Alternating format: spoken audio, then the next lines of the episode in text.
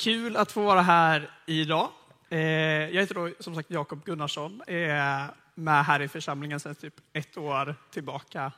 Eh, och till vardags läser jag på ALT och pluggar till pastor. Så det känns väldigt roligt att få vara med här i församlingen och få predika för er, eller med er idag. Och som församling är vi inne i ett tema där vi pratar om församlingen som familj och så använder vi ett bord då som tema för det liksom i de olika predikningarna för någonting att haka upp det på. Eh, och om man har lyssnat på de andra gudstjänsterna så har man ju sett att de som predikat haft så här väldigt flashiga och fina powerpoints. Och jag kände lite stress inför det när det var min tur. Men så är jag väldigt glad att Hans-Olof kom med idén att vi kunde ställa upp det här bordet istället. Då, så då har vi någon mer konkret symbol och så behöver jag inte göra någon powerpoint. Så eh, kunde man slänga den grejen åt sidan. Eh, och då deltemat som vi är inne i idag, som jag kommer fokusera på i dagens predikan, det är eh, eh, fredagskvällen vid köksbordet. Alltså det handlar om glädje, det handlar om fest. Eh, och Gustav frågade mig om jag ville predika över det. Och den bild som, första liksom bilden som dök upp i mitt huvud, det var tacokväll. För det är i alla fall så jag tänker, fredagkväll, tacokväll, det är typ samma sak i min, i min värld i alla fall så. Eh, och då tänker jag att man, hur kan man liksom få ihop de två grejerna när vi ska prata om församlingen som familj och fest och glädje? Det är i alla fall mitt försök den här predikan, att om du ska ha med en bild för vad det handlar om att, att vi har fest och glädje i församlingen, så tänk tack och kväll. Så det kanske landar när vi när jag är klar. Vi får se. Eh, för i min familj, eh, nu så har vi oftast, eller i alla fall innan jag flyttade hemifrån, så var det väldigt givet att fredagskvällen, då käkade vi taco tillsammans. Man hjälptes åt allihop och så tog man fram och dukade lite extra fint. Man tog de finare glasen, typ som de här. Och kan, jag vet inte om vi hade servetter där, men det var ändå lite festligare stämning över hela liksom, eh, vad säger man, köksbordet. Eh, och då kan man ju fundera på vad är det liksom som gör att det blir fest i ett rum? Vad är det som gör att det blir fest när vi samlas? Är det, sitter det liksom i de här pappersservetterna? Sitter det i att vi har det finare porslinet och de finare glasen? Eller är det någonting annat? Och nu skulle jag vilja vara så här, jag vill inte bränna några broar, men säga så här, det, det spelar ju faktiskt roll att man har servetter och glas, men det kanske inte ytterst sett är det som gör att det blir fest. Utan det, är ju verk, utan det som är verkligt avgörande för att det blir en fest när vi samlas, det är ju att vi samlas tillsammans, att det är, man kommer liksom med den inställningen. Och då hjälper ju servetter och fina glas, att man känner där, nu är det fest. Liksom. Men det är inte det som avgör, utan det är vår inställning. Eh, och jag tänker att vi lever i en tid där man har eh, ganska många grejer på sin agenda. Liksom. Man har många, om man är en familj så har många, kan man ha många olika aktiviteter. Någon ska spela fotboll på måndagskvällen, en annan ska gå på dans eller ridning på tisdagskvällen och så blir det nästa grej. Liksom. Och så är det väldigt sällan man samlas. Och då är ju i glädjen i festen liksom på fredagskvällen, eller man, jag vet inte om man har så i alla familjer, men att det kan få vara en tidpunkt då man faktiskt kommer samman allihopa. I en splittrad tid så kommer man samman och det är det som är festen. Och så tänker jag samma sak med familj, att det är, vi kanske rör oss på olika ställen eh, på vardagarna. Några, några är på skolan, några är eh, liksom på jobbet. Men på söndagen så kan vi få komma samman och det är fest. Och det är ju inte riktigt givet överallt i världen. Alltså om man kollar internationellt på andra liksom, syskon i tron så är det inte givet att man får samlas tillsammans eh, och fira gudstjänst utan att uppleva, man får uppleva hot, man får uppleva förföljelse. Men här i Sverige så har vi tryggheten och vi får samlas om vi vill. Och det tänker jag att vi behöver fånga upp det. Liksom det är något stort när vi kommer samman som församling och samlas. Och då är ju nästa fråga vi behöver ställa oss, om det är någonting så stort, någonting så vackert att vi får komma samman och samlas, så är ju frågan då, varför samlas vi då? Varför samlas vi som församling? Varför kommer vi hit? Sätter vi av en bra en, liksom en del av vår söndag för att komma samman på gudstjänst. När jag skulle ta mig hit så gick jag förbi några liksom på gatan längre ner där jag bor. De höll på att plocka bort skorstenen på ett hus. Jag tror att de höll på att renovera eller någonting så. så då, det kan man ju göra en söndag förmiddag, men varför ska man då gå till gudstjänst? Varför samlas vi?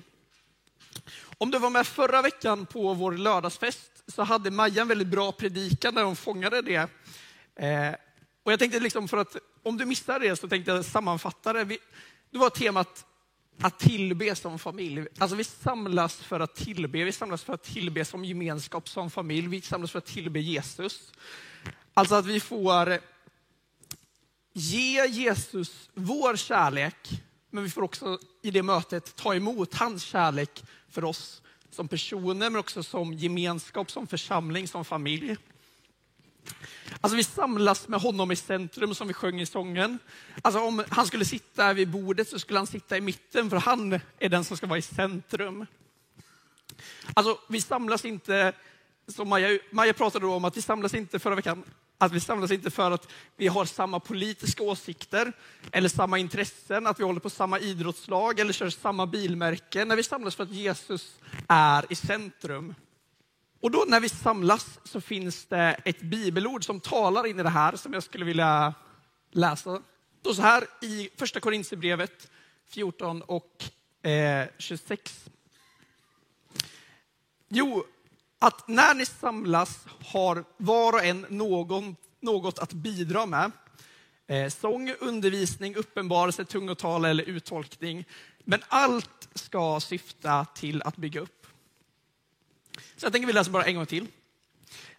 Jo, att när ni samlas har var och en av er något att bidra med. Sång, undervisning, uppenbarelse, tungotal eller uttolkning. Men allt ska syfta till att bygga upp. Eh, det här bibelordet det är från första Korinthierbrevet. Och det är Paulus som skriver det till församlingen i Korint. Eh, I Korint så är det kaos när de samlas på, till sina gudstjänster som församling. Man skulle kunna säga så här att det är lite fullt ös medvetslöst när det gäller olika uttryck av andens gåvor i den församlingen. De, kör, de verkar inte respektera varandra, det är inte så mycket kärlek, utan de, det handlar mer om att själva glänsa. Och in i det kaoset försöker Paulus någonstans ordna upp det. Eh, där han, han liksom försöker fånga kärnan i att det viktigaste är inte att man har flashiga gåvor, att det är liksom flashigt och fint och bra, alltså så att man själv får glänsa när man samlas. Utan att det är Guds kärlek som får bli synlig i gemenskapen. Och då, för att liksom fånga upp det resonemanget, så säger Paulus det bibelordet vi läste. Och då listar han de saker han har liksom sagt, talat om att så här, men man kan tala i tungor, man kan få ett profetiskt ord, man kan undervisa och så vidare. Men det viktigaste är att det bygger upp. Och jag tänker att det är ganska lätt att översätta det till vår tid, till vår församling, vår gemenskap. Att när vi samlas har alla någonting att bidra med. För vi samlas inte för att liksom personer som mig eller som jag, liksom, att, vi, att man ska få liksom en, ska, en scen och så ska man få en skara med åhörare. Det är inte därför vi samlas. Vi samlas inte heller för att Hans-Olof och de andra i lovsångsteamet liksom ska få en åhörarskara på sina sånger. Liksom en publik. Nej, när vi samlas då har ju alla någonting att bidra med. Stor eller liten, ung eller gammal. Då har alla någonting att bidra med. Alltså, den som, eh, de som kommer hit tidigt och fixade ordning vid fikaborden och såg till att det var fräscht lokalen och det fanns allt sånt för att man skulle få känna hemtrevligt. De, det, är något, det är att bidra. Eh, att man prioriterar gudstjänsten för att komma hit liksom bland alla andra grejer man kan göra en söndag förmiddag, det är att bidra. Eh, ja, det finns så många grejer. Att sen vid fikabordet, du sitter ner, eller när, på kyrktorget, att du fångar upp någon, hälsar, frågar hur mår du egentligen, liksom, visar omsorg. Det är att bidra.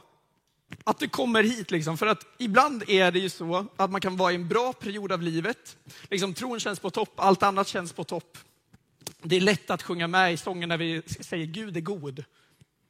Och ibland så har man andra omständigheter i livet där liksom man känns att ja, livet är på bott. Man är liksom under golvet. Jag vet inte ens om jag kan sjunga med det. Men att vi kommer samman då, oavsett liksom i vilken av de här faserna man är, att vi tillsammans tillber, att då kan man liksom ta rygg på någon som har det lättare när man själv känner att det är svårt. Det är att bidra. För i alla fall jag, så har jag väldigt lätt att ibland så delar jag upp saker. Alltså, det här är väldigt andligt, liksom, att man predikar eller leder lovsång eller är med i förbönen eller någonting sånt. Och så tänker jag att andra grejer är väldigt, väldigt mänskliga. Liksom, typ så här, ja, att visa omsorg, ja, men det är nog inte så mycket med Gud egentligen, utan det är bara liksom trevligt. Eller att man är grym på ljudet, liksom som David där nere, eller bilden som Joel. Att, ah, är det verkligen så andligt? Och jag skulle vilja säga, ja, men det, är, det finns ingen liksom sån uppdelning. Jag tror att det där är helt falskt. Att visa omsorg, att fixa med praktiska saker, det tror jag att det är så mycket av det som är, har med Gud att göra. Liksom att när vi låter Gud få ta plats i oss, när vi Gud vill fylla oss med sin heliga ande, så får han verkligen vara med i alla saker. Att visa omsorg, att göra det som är ja, men predika, men också i praktiska handlingar. Att det är verkligen att så Gud är med. Och för att då knyta an det till den bilden av en tacokväll, så är det ju så att när man samlas för en tacokväll så finns det väldigt många olika grejer att göra. Någon ska duka, någon annan ska hacka bananer, eller jag vet inte om du har bananer i din taco, nu är jag verkligen ute på djupt vatten. Man kanske har, okej, okay, gurka det är alla med på, eller så sallad. Eh, ja, man ska ha någon form av köttfärs eller vegetariskt, det är också kanske kontroversiellt. Men i alla fall, det ska stekas någonting som, typ någon färs ska stekas, som man ska ha, och så ska man krydda den med taco. Och så ska det finnas bröd och chips och så vidare. Och det finns ju ganska många grejer att göra. Om man tar då den där lilla gurkan, eh, då kan man ju som ett litet barn vara med och bidra. Man kanske inte ger dem en jättevass kniv, men man skulle ändå kunna med en ganska slö och försiktig kniv ge ett barn så den kan dela gurkan och den kan få bidra. Eh, om man är liksom gammal eller så och har kanske, ja, men, eller man har bara problem med kroppen och man kanske inte orkar stå upp och steka den här färsen då, då kan man göra någonting annat sittandes. Eh, dela, skära tomater eller så. Ja, det finns väldigt många grejer i en tacokväll som man kan bidra. Och man kan tänka olika om det, att, så att ja, men om man låter ett litet barn dela gurkan, det kanske inte går superfort. Ja, men det är inte det som är poängen, utan poängen är ju Tacokvällen är ju glädjen och gemenskapen, att alla får vara med, alla får bidra. Vi gör det tillsammans. Eh, och det är det som är, spelar roll.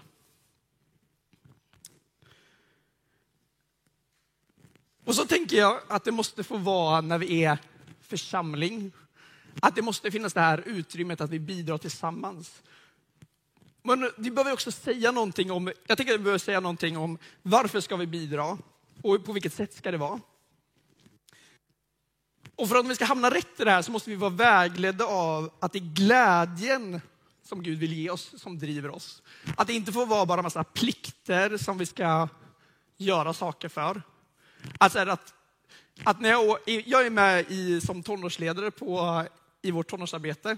Att när jag åker dit på fredagen, att det inte bara är för plikten att ja, men jag, tycker det här, jag vet att det här är viktigt så jag borde verkligen vara där. För det, i längden så bygger inte det någonting hållbart. Utan vi måste sätta fokus på det viktiga, nämligen att glädjen som Gud vill ge oss, det måste vara det som får plats. För Gud vill verkligen fylla oss med glädje. Och det finns någonting att upptäcka i att när vi gör saker som familj, då är det glädje, alltså i den gemenskapen. Eh, och låt mig då ge några exempel. En av grejerna jag gör som liksom gör att min kalender är fylld liksom när man pratar om olika aktiviteter man kan göra, är att jag är med i Studentalfa på Örebro universitet. Eh, och där är vi ett, liksom ett gäng, så vi har kört två tillfällen i en kurs nu med kanske tio deltagare. Eh, och när vi bygger det teamet så pratar vi väldigt mycket om att, så här, vad vill vi ha för atmosfär här? För det, det är inte oviktigt att det du kommer in till hur det känns. Vad är det för liksom känsla i rummet, i atmosfären? Vi pratar om att vi vill liksom vara vänner, att det ska vara kul att göra det, att glädjen verkligen får en given plats där.